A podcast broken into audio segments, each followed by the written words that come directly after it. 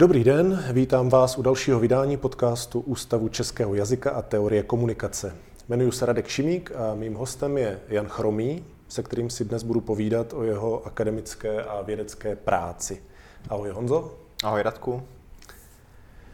Mohl bys nám na úvod říct, jaké je tvoje odborné zaměření? Eh, tak moje odborné zaměření v dnešní době je primárně asi psycholingvistika a dále obecně empirické a hlavně experimentální metody výzkumu jazyka a potom variační sociolingvistika. To jsou také tři oblasti, kterými se zabývám, zabývám aktuálně nejvíc. Mm-hmm. To je docela široká škála, jak se ti to kombinuje? Já si myslím, že to je, eh, nebo mě to vlastně vyhovuje v tom, že, že nedělám pořád, abych tak řekl, to samé a že můžu, když mě jedna ta oblast trošku už přestává bavit chvíli, tak eh, zase jako na chvíli přijít k nějaké jiné. Eh, takže tohle mi tam docela vyhovuje. Ale samozřejmě z hlediska třeba udržování kontaktu s tím jako aktuálním děním, třeba světovým, tak je to, je to třeba náročné. Tam třeba vím, že sociolingvistiku jsem dost podcenil v poslední době jsem jí nevěnoval až tak moc pozornost, ale eh, jinak si myslím, že to jde, že je dobré být trošku víc rozkročený, než dělat jenom jednu nějakou konkrétní věc. Mm-hmm. Jak se vlastně dostal k tady těm tématům? Kudy vedla tvoje akademická kariéra? Mm-hmm. No já jsem eh, vlastně už poměrně brzo, asi po třetím roce studia, začal pracovat v Ústavu pro jazyk český v eh, Akademii věd v oddělení jazykové kultury. A já jsem ze začátku se teda věnoval mm, jazykové kultuře, e, zajímala mě, zajímala mě vlastně dějiny české jazykové kultury, diplomku jsem potom psal na, na Jiřího Halera, vlastně takovou jako historickou práci, práci z lingvistické historie, dejme tomu české. No, ale ta jazyková kultura mě počase vlastně přestala vyhovovat, protože mi přišla vlastně hodně teoretická, málo, málo nějak ukotvená právě v, v nějakých empirických datech. A já jsem se teda začal dívat tak jako jinam, ale pořád jsem měl vlastně zájem o, dejme tomu, nějaké to vlastně to, čemu bych dneska úplně bez problému říkal jazyková variace. Tehdy jsem tomu říkal spíš jazyková kultura, protože jsem to bral vlastně z toho tradičního hlediska. A, mm, a vlastně narazil jsem na, na variační sociolingvistiku, která mě teda nesmírně zaujala v té době a začal jsem eh, se jí vlastně poměrně intenzivně věnovat. Začal jsem hodně číst eh, různé texty z variační sociolingvistiky, od těch nejstarších eh, prací Williama Lebova až po nějaké modernější, modernější dnešní přístupy. No a takže to bylo, jak jsem se dostal k té variační sociolingvistice a vlastně jsem dost odešel od té jazykové kultury. Eh, s tím potom šlo tak trochu ruku v ruce ty empirické přístupy v lingvistice, protože variační sociolingvistika je teda bytostně empirická, tam se pracuje kvantitativně s, s daty, teda s získanými ať už prostřednictvím sociologických nebo sociolingvistických rozhovorů, eh, nebo třeba i jinak. No a pak eh, ta druhá oblast, tam jsem v zásadě k té psycholingvistice dospěl díky letní škole lingvistiky, kterou jsme začali pořádat v roce 2007 a ze začátku jsme si tam vlastně zvali primárně české lingvisty působící v zahraničí. No a ona celá řada z nich se věnuje právě psycholingvistice. To znamená, tam jsem vůbec se nějak poprvé lépe seznámil s psycholingvistikou, protože tady se vlastně u nás na ústavu lingvistika nějak mm, jako výzkumně nedělala, byl tady sice takový kurz jeden, ale tady prostě jako, že by tady se dělaly nějaké experimenty před nějakými 15 lety, to, to eh, nebylo. No a takže tam já jsem vlastně v průběhu těch eh, asi 13 let, nebo jak dlouho už letní škola eh, funguje, tak tam jsem se seznámil s celou řadou mm, jako teoretických koncepcí i třeba různých typů přístupů, třeba metodologických. A e, vlastně pak jsem tak jako částečně jako, e, jako jako samouk e, dospěl k tomu, že vlastně dneska, dneska primárně dělám psycholingvistické výzkumy, ať už zpracování věty, nebo teď vlastně i se studenty se věnujeme nějakému nějakým otázkám vlastně bilingvismu a vlivu druhého jazyka na první jazyk. Ty jsi teď zmínil, že vlastně, jestli si správně pamatuju, tak si spoluzakladatelem letní školy lingvistiky, je to tak? Ano. ano. Um, takže svým způsobem si vytvořil eh, prostředí sám pro sebe, ve kterém si mohl růst odborně. Je něco, co bys mohl obzvlášť jakoby vyzdvihnout v tom, eh, co tě nejvíc ovlivnilo, nebo kdo tě nejvíc ovlivnil? Mm-hmm. No, tak co se týče mého studia tady, tak mě asi nejvíc ovlivnily dvě takové osobnosti eh, tady našeho ústavu, kteří teda už tady, už tady ani jeden nejsou. A to jednak, to jednak byl profesor Stich, který teda zemřel poměrně brzy po, po mém nástupu na fakultu. On zemřel vlastně, když my jsme byli, myslím, ve druhém nebo třetím ročníku ale ten mě eh, ovlivnil poměrně silně v tom začátku a to zejména takovým tím jako obecným přístupem k věcem, vůbec takovým jako zajímat se o, o různé lingvistické věci a já sice vůbec nedělám, jako nevěnuju se věcem, kterým se věnoval on, jsem hodně jako jinde odborně, než byl on, ale eh, určitě jako tenhle ten, ten, ten jako přístupový aspekt eh, ve mně zanechal strašně silný a Eh, vlastně dost podobným způsobem mě ovlivnil, ovlivnil profesor Uličný, ještě jako druhá osobnost. Byť taky se zabývám jinými věcmi, on byl spíš teoreticky zaměřený eh, vždycky na syntax, přece jenom já jsem malinko jinde, ale taky tím, řekl bych, tím přístupem, jak vlastně, vlastně, když jsme třeba měli nějaký seminář s ním, tak jak jsme, jak jsme vlastně o těch věcech uvažovali. Takže to jsou, to jsou dva lidé jako v rámci studia, kteří mě bezprostředně výrazně ovlivnili. No a co se týče té letní školy, tak já myslím, že tam jsem se seznámil opravdu s řadou strašně zajímavých lidí. Vlastně ono to dřív bylo celé v češtině, protože tam byli primárně teda čeští přednášející, ale dneska je to vlastně mezinárodní akce, kdy tam přednáší eh, opravdu, řekl bych, dost, eh, dost významné figury evropské lingvistiky takže tam jsem, tam jsem jako potkal opravdu, opravdu strašně zajímavý lidi, ale kdo byl takový formativní, protože právě byl jeden z prvních, tak to byla Barbara Šmitová, dneska teda Mertins, která vlastně hnedka na prvním ročníku měla eh, přednášky věnované psycholingvistice a tam mm, myslím si, že to byl takový moment, kdy, eh, kdy jsem trošku eh, jako zjistil, že to je fakt jako strašně zajímavá disciplína, že bych se jí, že bych se jí třeba i do budoucna chtěl věnovat. Měl jsi někdy třeba v této době i zaječí úmysly, že jsi třeba uvažoval, že bys vyrazil na doktorát někam do zahraničí? No, já jsem byl, já jsem byl v roce 2004 na Erasmu v, v Lipsku. Takže jako to nebylo tak, že bych do zahraničí třeba nechtěl, nicméně, nebo že bych se tomu nějak a priorně vyhýbal. Nicméně v, v době toho, jako mého nástupu na doktorát jsem o tom vlastně nějak neuvažoval ani. Uh, už jenom proto, že já jsem vlastně v té době se ještě pořád tak nějak zabýval tou, tou jazykovou kulturou, takže to jako nemělo až tak vlastně velký smysl, protože to je přece taková disciplína, která se jinde nějak moc nedělá.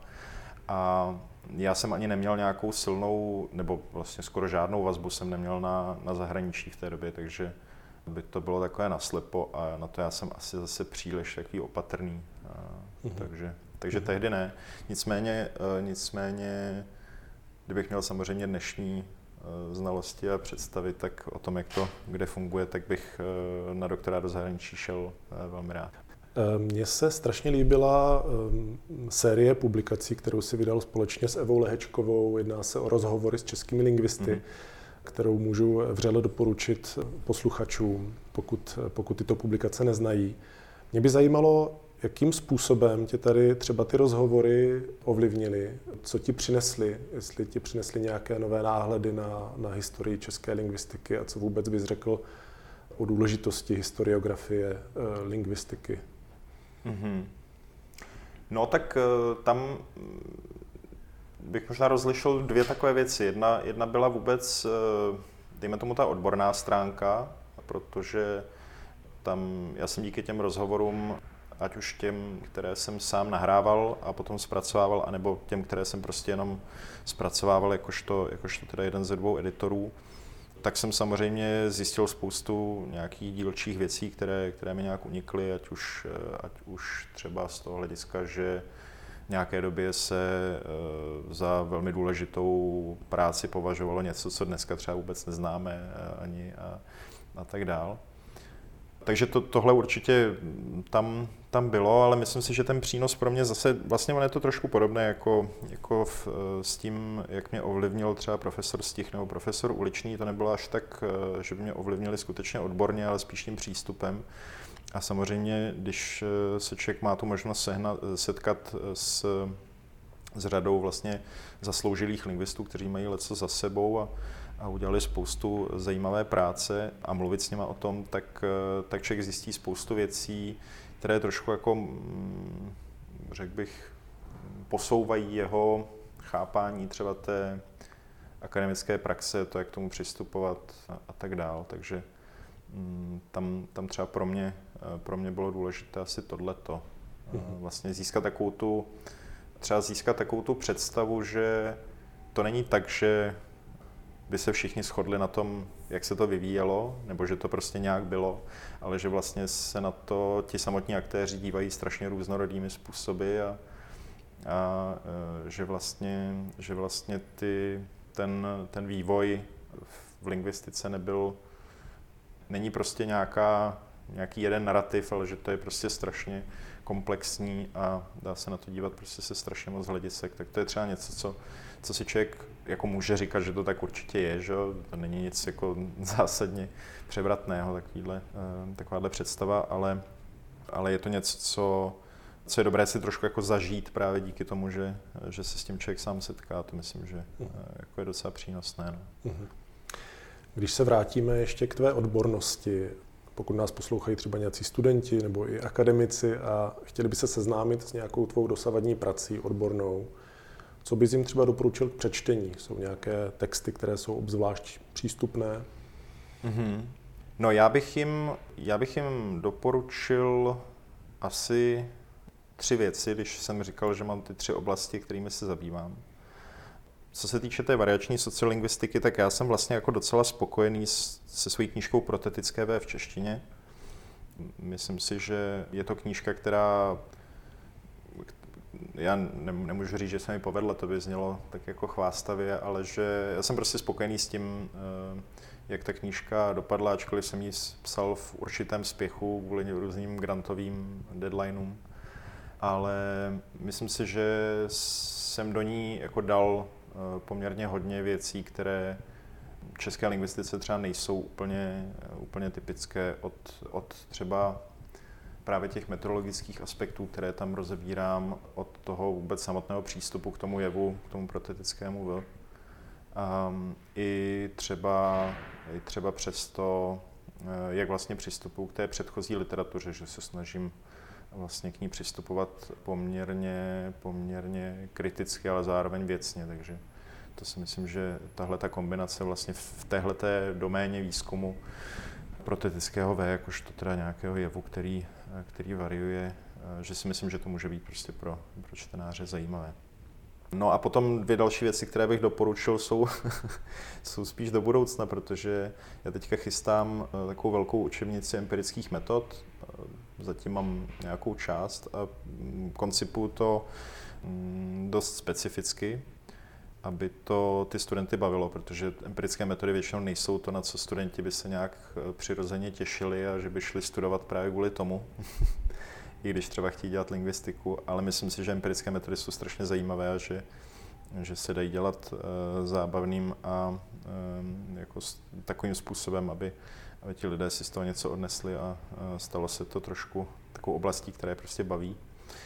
A, tak eh, já doufám, že se mi podaří třeba v příštím roce to nějak eh, dokončit a třeba za dva roky by to mohlo být vydané. No a třetí věc, na které, a to myslím, že je takový jako můj opus magnum, který se má asi 20 stránek, ale eh, já mám teďka v časopisu Quarterly Journal of Experimental Psychology článek, na kterém pracuju. A tam se stala taková, taková nepříjemná věc, protože ten editor toho, který to dostal na starost tu studii, tak to poslal asi šesti recenzentům s tím, že předpokládal, že ti recenzenti na to nebudou mít chuť všichni a čas.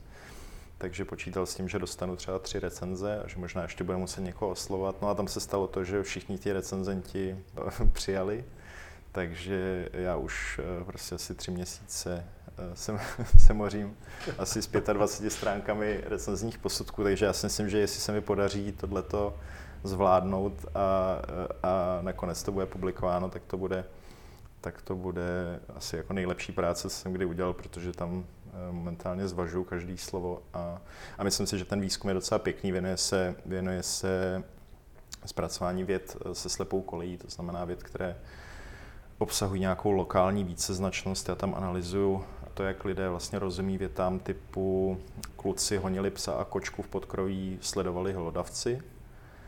A v podstatě to, co se mi tam, myslím, celkem daří ukazovat, je, že lidé mají velké problémy se zpracováním těchto věd a nezřídka eh, prostě to nezvládnou zpracovat tak, jak eh, nebo v souladu, dejme tomu, s tím skutečným významem té věty. Mm-hmm. A to je taková jako jedna věc, co mě zajímá, jak lidé vlastně ne ani tak rozumí větám, ale spíš, jak, spíš nerozumí mm-hmm. větám, jestli jsou nějaké systematické faktory, které, které ovlivní vlastně to nedorozumění, dejme tomu. Mm-hmm. Což poukazuje na to, že velmi důležitou součástí lingvistiky jako takové je právě chápat i to, kde jazyk selhává a nejenom to, kde jazyk funguje.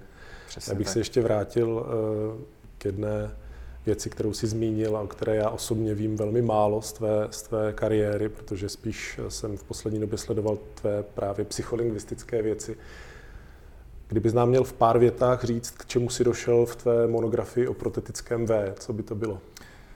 Jo, tak tam asi t- ten nejdůležitější závěr je, že podle teda všech indicí v tom mém výzkumu se zdá, že protetické V vlastně ustupuje v češtině že je to jev, který, který je tady vlastně eh, strašně dlouho. První, první skutečně výskyty toho jevu jsou někdy vlastně ze 14.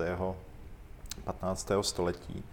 A je to jev, který prostě, eh, který prostě tady je strašně dlouho a vypadá ale, že třeba za 100 let tady třeba už nebude. To, samozřejmě tenhle ten odhad do budoucna je vždycky strašně složitý, ono se může stát spoustu věcí, kvůli kterým třeba protetické V naopak zvrátí tu tendenci, ale ta tendence je poměrně jasná, prostě starší mluvčí používají protetické V více než mladší mluvčí, což je taková typická trajektorie jazykové změny, která vlastně je spojená s tím, že vlastně ve chvíli, kdy mladší mluvčí ze stárnou, starší odejdou, tak vlastně Eh, ta trajektorie je taková, že ti jako dal nový mladší mluvčí, dejme tomu ty dnešní třeba eh, novorozenci za 20 let, to protetické V budou používat ještě míň a je velmi pravděpodobné, že po pár generacích to eh, vymizí úplně. Samozřejmě, jak říkám, může se stát lecos, může být třeba nějaké hnutí za zachování protetického V, to by se mi líbilo.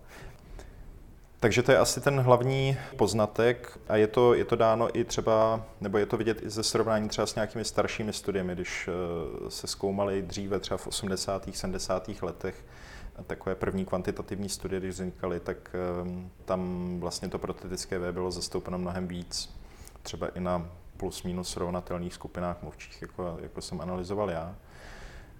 No, takže to je asi taková, takový hlavní poznatek, ale myslím si, že ještě to má takový jako jeden, eh, tomu já se tam v té knižce moc nevěnu, ale dobré nad tím přemýšlet, že když se vždycky mluví o jazykové kultuře a o tom, že čeština teda eh, se nějak zhoršuje nebo tak, tak eh, se vlastně málo kdy mluví o tom, že čeština třeba ztrácí nějaké jevy, které jako třeba jsou brány jako něco negativního nebo něco, čemu bychom se měli třeba vyhnout, když píšeme někde nebo co, na co nenarazíme v novinách, ale co je běžnou součástí toho jazyka.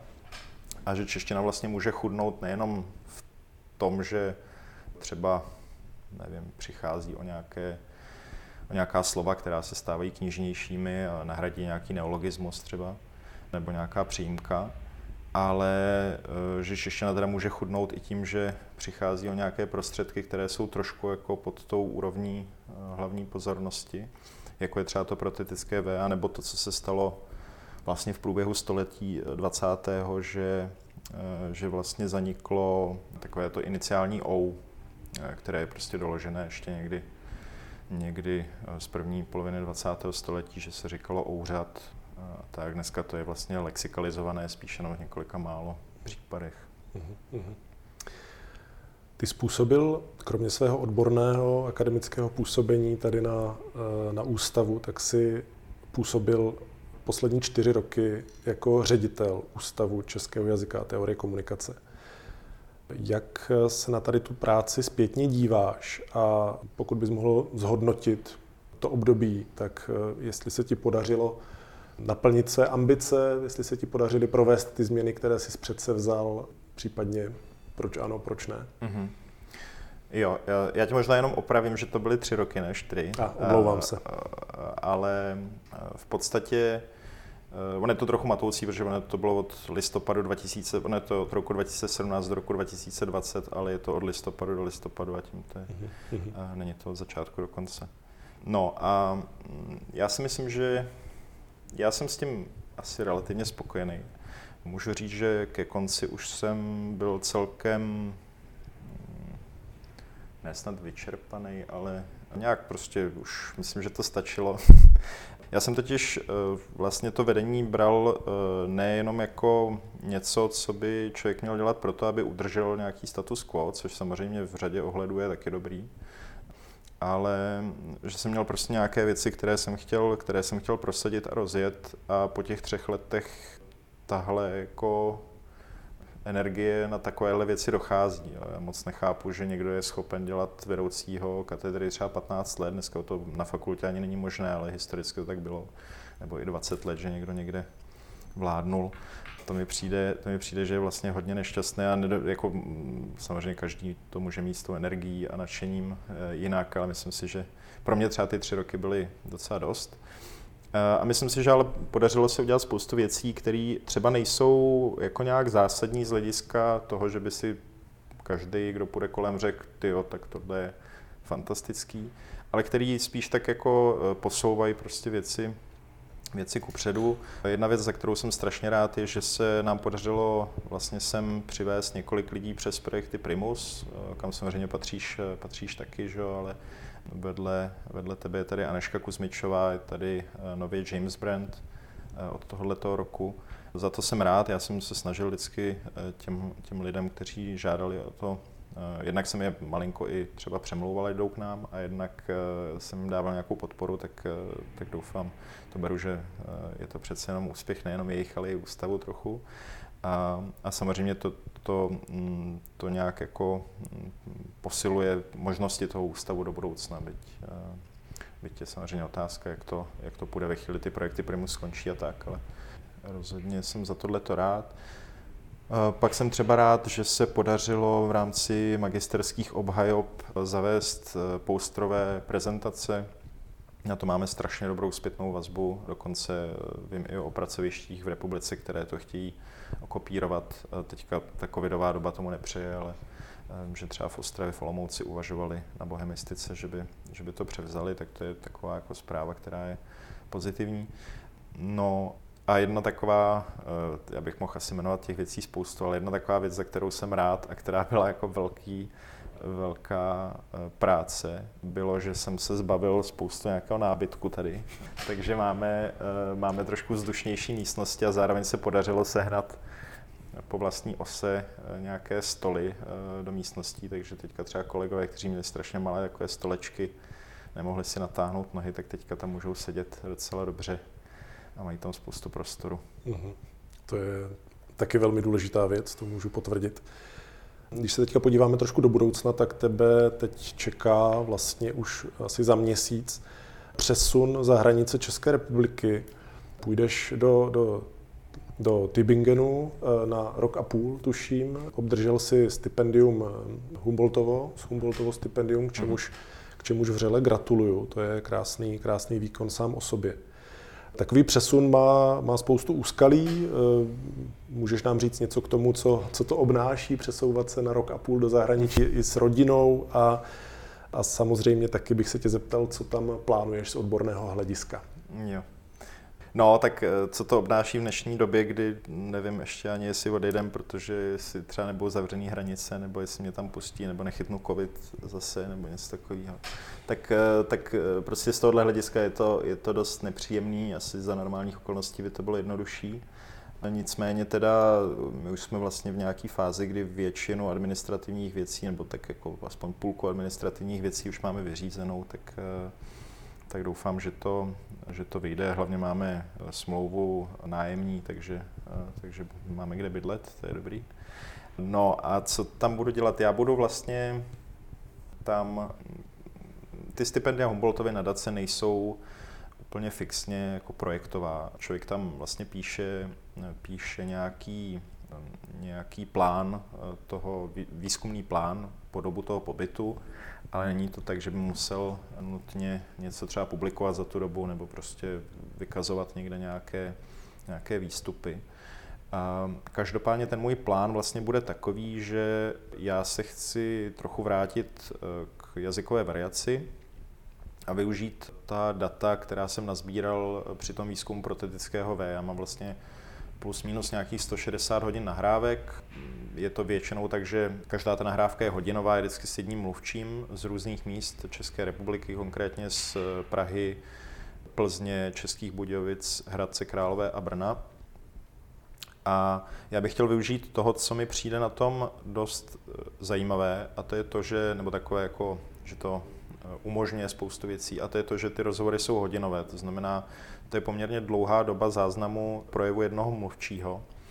A já bych se chtěl dívat jednak na různé jevy, které variují v, v mluvě, eh, dejme tomu běžné v České republice. To znamená, tam samozřejmě patří to protetické V, které už jsem analyzoval, ale jsou tam i další jevy, jako, jako je třeba úžení EFI, kdy prostě můžeme říct polévka, můžeme říct polívka, nebo, nebo můžeme říct dobré jídlo, dobrý jídlo. Stejně tak uh, diftongizace if A je třeba věc, která mě, mě bude zajímat. No a tak těchto těch jevů celkově mám vytipovaných asi 11 nebo 10, teď, teď z hlavy si nejsem úplně jistý, ale to není až tak podstatný. No a já jednak bych je chtěl analyzovat vůbec, jak se používají teda v českém prostředí, což uh, bude docela náročná práce, ale doufám, uh, doufám, že se to povede. To znamená, že jednak bych chtěl získat takový obrázek toho, jak vlastně tyhle ty relativně frekventované jevy v češtině fungují, což myslím, že prostě nevíme zatím, eh, aspoň ne příliš dobře. Nějaké studie samozřejmě existují takové, ale spíš, spíš takové jako sondy. No a, ale to není až tak to úplně podstatný. To podstatný je jednak, že já bych chtěl se podívat na individuální variabilitu těch mluvčích v užívání těchto těch jevů. To znamená, jestli se dá vlastně vytvořit nějaký takový jako eh, takovou jazykovou charakteristiku mluvčího na základě právě užívání takovýchhle jevů, kde teda si může vybrat jedno nebo druhé a taky to hodně často musí z principu dělat, protože prostě těch slov, která obsahují tyhle ty jevy je hodně. No a takže ta individuální variabilita mě zajímá, no a pak mě zajímá ještě to, jestli se dá vidět nějaký vztah k užívání těchto těch jevů eh, v průběhu toho projevu. Jestli vlastně se to dá brát tak, že je tam nějaká podmíněnost třeba taková, že když užiju eh, protetické V, znamená řeknu třeba v okno, když mluvím, tak jestli to vlastně nějak už implikuje, že potom použiju i A místo I například. A k tomuhle tomu existují nějaké studie historicky v české lingvistice, myslím, že asi tři, eh, pokud jsem nějakou nepominul, jsou už relativně staré a přistupují k tomu, myslím, meteorologicky, já teďka nepůjdu nějak do, do detailu, ale přistupují k tomu meteorologicky trošku, trošku naivně, respektive na tu dobu jako asi smysluplně, ale prostě spoustu těch věcí, které jsou tam podstatné, tak, tak nezachycují.